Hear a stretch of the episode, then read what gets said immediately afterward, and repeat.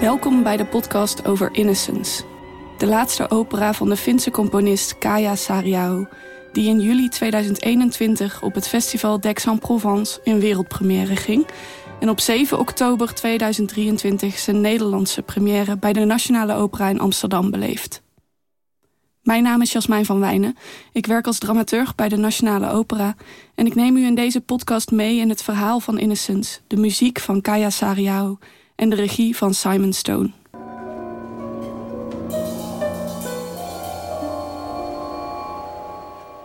Het verhaal van Innocence voltrekt zich langs twee tijdlijnen. In de ene tijdlijn volgen we een bruiloft in Helsinki in de jaren 2000... en in de andere bevinden we ons in de wereld van de herinneringen... waarin zeven mensen terugblikken op een tragedie die zich tien jaar eerder heeft afgespeeld... en hun leven voorgoed heeft veranderd. De connectie tussen de twee tijdlijnen, tussen het heden en het verleden, wordt gaandeweg duidelijk. Het zit namelijk zo. Tien jaar na een koelbloedige schietpartij op een internationale school in Finland vindt de bruiloft plaats van Stela en Thomas, de broer van de dader van die schietpartij. Stela weet niets van het familiedrama dat de tragedie wordt genoemd. En Thomas' ouders worden het er maar niet over eens of ze haar hierover moeten inlichten. Op die bruiloft valt serveerster Theresa last minute in voor een collega.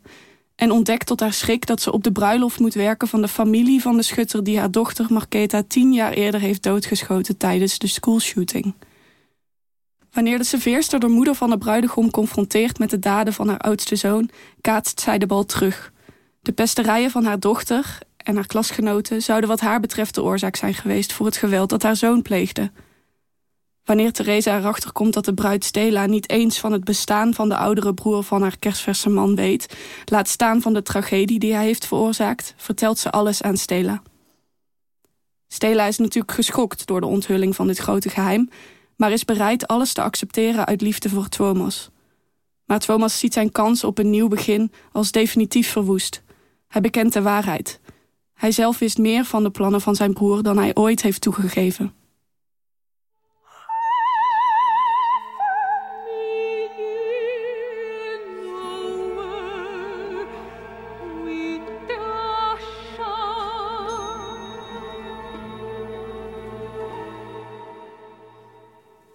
Vertrekpunt voor de opera vormde het beeld van Da Vinci's muurschildering Het Laatste Avondmaal. Een verzameling van dertien personages in éénzelfde situatie aan één tafel, bij wie de componist van het werk, Kaya Sariao, zich verschillende levens, geheimen en verschillende gradaties van onschuld voorstelde. En met dat idee begon de Finse schrijver Sophie Oksane te werken aan het libretto voor Innocence. Het was haar eerste opera-libretto. Sophie Oksane zag een verband tussen dat beeld van het laatste avondmaal en trouwfoto's, waarop onder het tapijt geschoven familiedrama's verscholen gaan achter plechtige gezichten. De vorm die zij vond voor haar libretto komt overeen met de structuur van veel van haar romans. Een structuur die gebouwd is op de interactie van twee verstrengelde tijdlijnen en de combinatie van veel verschillende perspectieven en stemmen die een reeks onthullingen in gang zetten. De toeschouwer komt beetje bij beetje meer te weten over wat er nou eigenlijk gebeurd is en hoe dat zo heeft kunnen gebeuren. Dertien verschillende personages dus, met elk hun eigen geschiedenis en bijbehorende trauma's en met één gemene deler, een tragische gebeurtenis die al hun levens voorgoed veranderde. De uitdaging in het maakproces van Innocence werd het schrijven, zowel in tekst als muziek, van dertien verschillende personages – en om dat voor elkaar te krijgen werd gebruik gemaakt van enerzijds een letterlijke meertaligheid. De schoolshooting in Innocence vond plaats op een internationale school. Een plek waar veel nationaliteiten en dus ook talen samenkomen. En dus naast de voertaal van het Engels, waarin de personages met elkaar communiceren, wordt er ook Fins, Tsjechisch, Frans, Roemeens, Zweeds, Duits, Spaans en Grieks gezongen en gesproken. Ja, dus ook gesproken. Want naast die letterlijke meertaligheid worden er in Innocence verschillende vocale technieken gecombineerd om zo de meerstemmigheid van het werk te benadrukken. Er zijn ritmisch gesproken teksten, vormen van spraakzang en een heel speciale manier van zingen door de Finse etno-popartiest Vilma Jaha, die gespecialiseerd is in de traditionele herdersroep van het inheemse Sami-volk uit de noordelijke uithoeken van Finland. Zij vertolkt in Innocence de rol van Marketa, de overleden dochter van de serveerster. Samen met Phil Maya onderzocht componist Kaya Sariao deze traditionele zangtechniek, die zich kenmerkt door een snel schakelen tussen borst- en kopstem. En dat gezamenlijke onderzoek heeft geresulteerd in de heel eigen manier van zingen van het personage Marketa, waarmee zij zich onderscheidt van de andere personages. En dat is ook dramaturgisch veelzeggend, omdat zij als enige personage op het toneel een stem geeft aan een overledene van de schietpartij. In het volgende fragment is te horen hoe ze klinkt.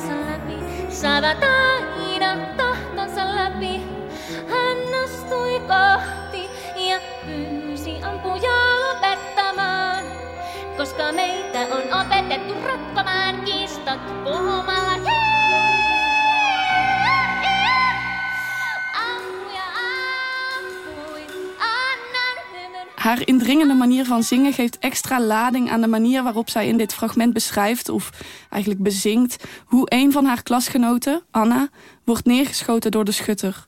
Nadat zij zo moedig was om op hem af te stappen, om hem van zijn plan af te proberen te praten. Maar dat had geen zin. De schutter schoot op Anna's glimlach. De schutter schoot Anna's glimlach weg, zingt Marketa met haar vervreemdende, haast onaardse stem, als overleden, toch fysiek aanwezig personage op het podium.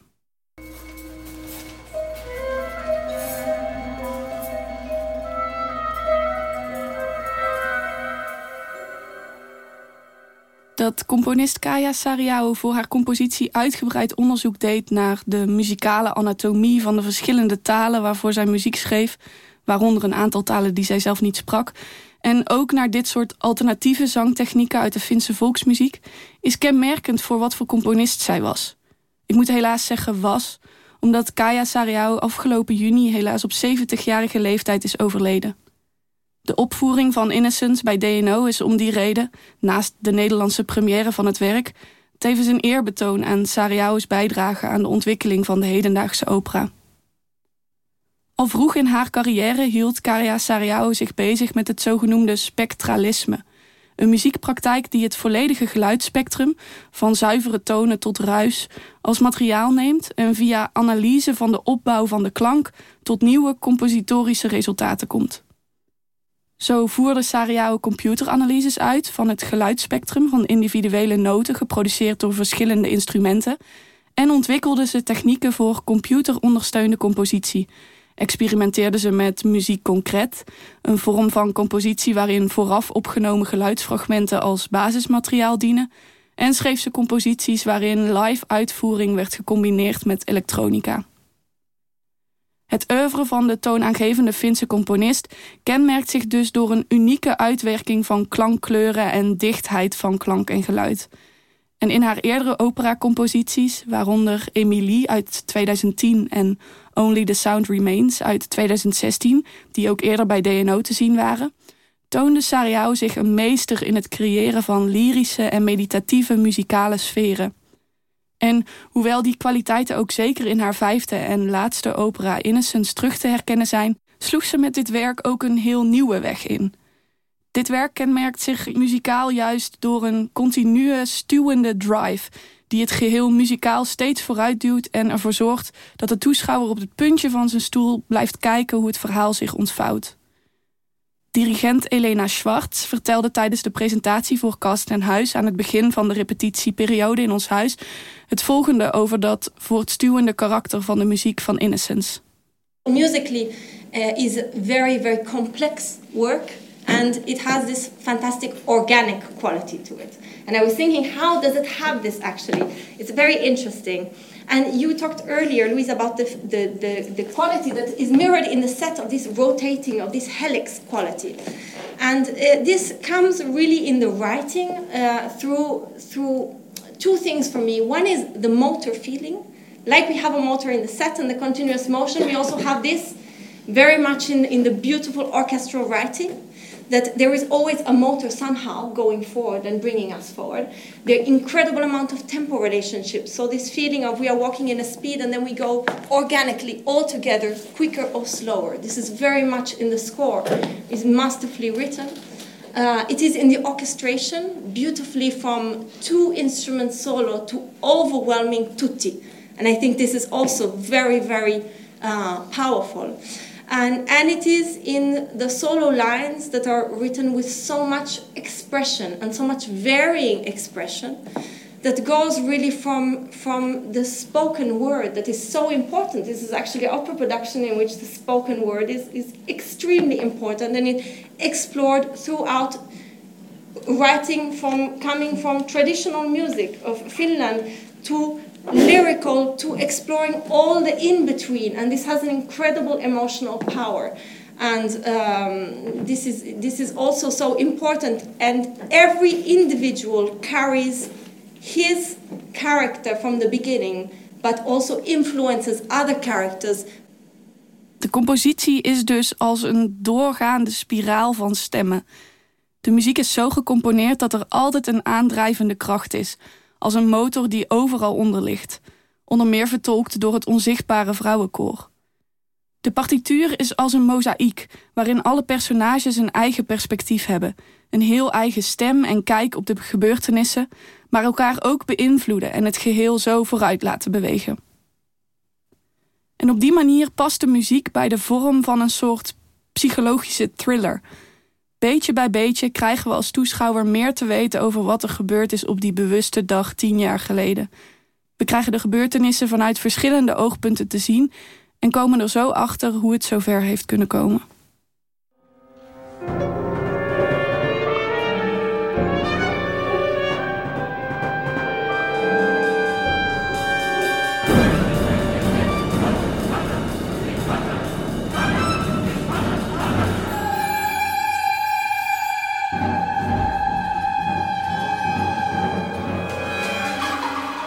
Dat idee van de compositie als doorgaande spiraal van stemmen waarin de toeschouwer het geheel steeds vanuit verschillende oogpunten te zien krijgt, werd door Chloe Lamford ook heel letterlijk vormgegeven in haar decorontwerp, waar Elena Schwartz in haar presentatie ook even naar verwees. Op het toneel zien we een enorm bouwwerk om zijn eigen as draaien, waardoor we als toeschouwer een kijkje in verschillende ruimtes tegelijkertijd kunnen nemen.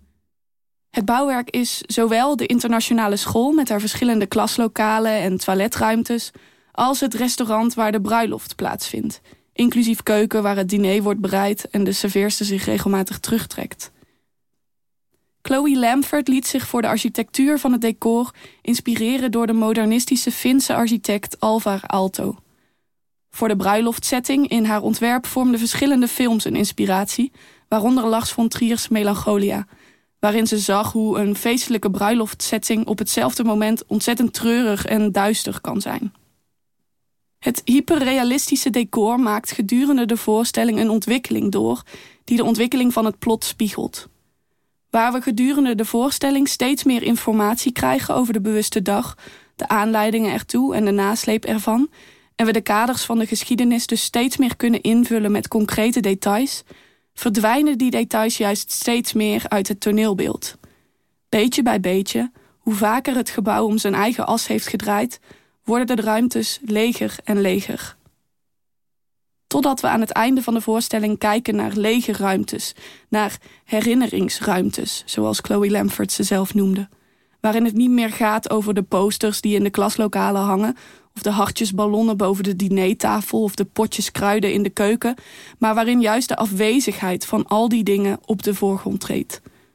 En in die afwezigheid van de dingen, in de volledig lege ruimtes, worden de trauma's van de personages blootgelegd en onder ogen gezien.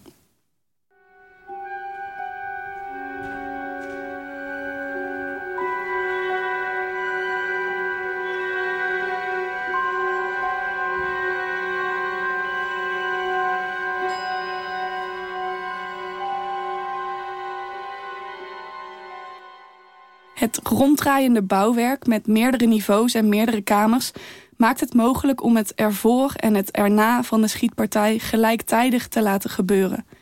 Het suggereert dat de schietpartij niet alleen een opeenvolging van feiten is, maar dat er in elke fase van het gebeuren zowel lijden als verantwoordelijkheid is, zowel slachtoffer als dader. Van de verantwoordelijkheid die Innocence als kunstwerk ook zelf draagt, waren de makers zich heel bewust. Alexis Barrière, de dramaturg van de voorstelling, vertelde daarover dat kunstzinnige uitingen niet alleen de verantwoordelijkheid hebben om publieke verhalen en onze worstelingen ermee te presenteren, maar dat er ook nagedacht moet worden over hoe ze gepresenteerd worden. Zoals studies hebben aangetoond, genieten schoolschutters namelijk vaak van de beelden die door de filmindustrie over het onderwerp zijn gemaakt. Net zoals militairen graag naar oorlogsfilms kijken en deze citeren, zelfs wanneer ze pacifistische overtuigingen hebben. En hieraan wordt ook in het werk zelf concreet gerefereerd als de beste vriendin van de schutter navertelt hoe zij samen naar agressieve filmscènes keken en de dialogen meespraken. De vraag die de makers van Innocence zichzelf dan ook actief stelden was: hoe kan kunst voorkomen dat geweld getolereerd, genormaliseerd of zelfs aangemoedigd wordt bij het afbeelden ervan? Een van de eerste en misschien wel meest radicale keuzes die om die reden in de ontwikkelingsfase van Innocence werd gemaakt, was de beslissing om al het fysieke geweld uit de tekst en de muziek te bannen. Dat wil zeggen, de daadwerkelijke schietpartij en de schutter zelf. In plaats daarvan kwam de nadruk te liggen op de verhalen en stemmen die minder zichtbaarheid krijgen in een maatschappij die dol is op spektakel. Door alleen het ervoor en het erna van de schietpartij te tonen, de schutter slechts als schim te laten dwalen door het toneelbeeld in flashbacks en de schoten het zwijgen op te leggen, richt het werk zich juist op de langer lopende lijnen van rouw en verwerking die het gevolg zijn van de gebeurtenis. Sariao's muziek omarmt de psychologische realiteit van herinnering, trauma, verdringing en acceptatie. Het gaat hier niet om de sensatie van het pseudorealistische uiterlijke spektakel, maar om een droomachtige associatieve logica waarin juist de innerlijke kern van het trauma van de slachtoffers centraal komt te staan. Regisseur Simon Stone, onder het theaterpubliek bekend van de verschillende succesvolle regies die hij bij ITA maakte, ontwikkelde samen met choreograaf Arco Rens een manier van bewegen om trauma ook van een fysieke realiteit te voorzien. En hij speelt als fameus schepper van beklijvende beelden met de verwachtingen van het publiek ten aanzien van geweld. Maakt slachtofferschap automatisch onschuldig, is de vraag die Innocence naar de voorgrond brengt. Als een Griekse tragedie voltrekt het werk zich aan de hand van vijf bedrijven maar de catharsis van Innocence gaat niet over geweld en vergelding. Niet over de schuldige bestraffen voor een moralistisch eindgoed al goed. Innocence gaat over de kracht van verzoening met de waarheid. Het stelt dat er bij een schietpartij niet maar één schuldige en een heleboel slachtoffers zijn. Waren het de gewelddadige films en games, de opvoeding, rolmodellen en verkeerde voorbeelden, pesterijen op school, de rol die geweld überhaupt speelt in de maatschappij? Innocent stelt dat in het geval van een dergelijke gruweldaad niemand onschuldig is, dat de hele maatschappij er direct of indirect bij betrokken is. Innocence laat zien dat de weggestopte geheimen en onderdrukte trauma's eerst aan het oppervlak moeten komen voordat er mee te leven valt. En op de vraag of er mee te leven valt, formuleert Innocence een heel voorzichtig, hoopvol antwoord.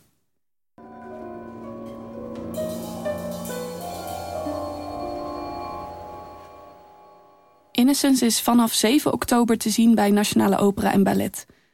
Mocht u nog meer willen weten over de opera, bezoek dan drie kwartier voor aanvang van de voorstelling de inleiding in het Souterrain.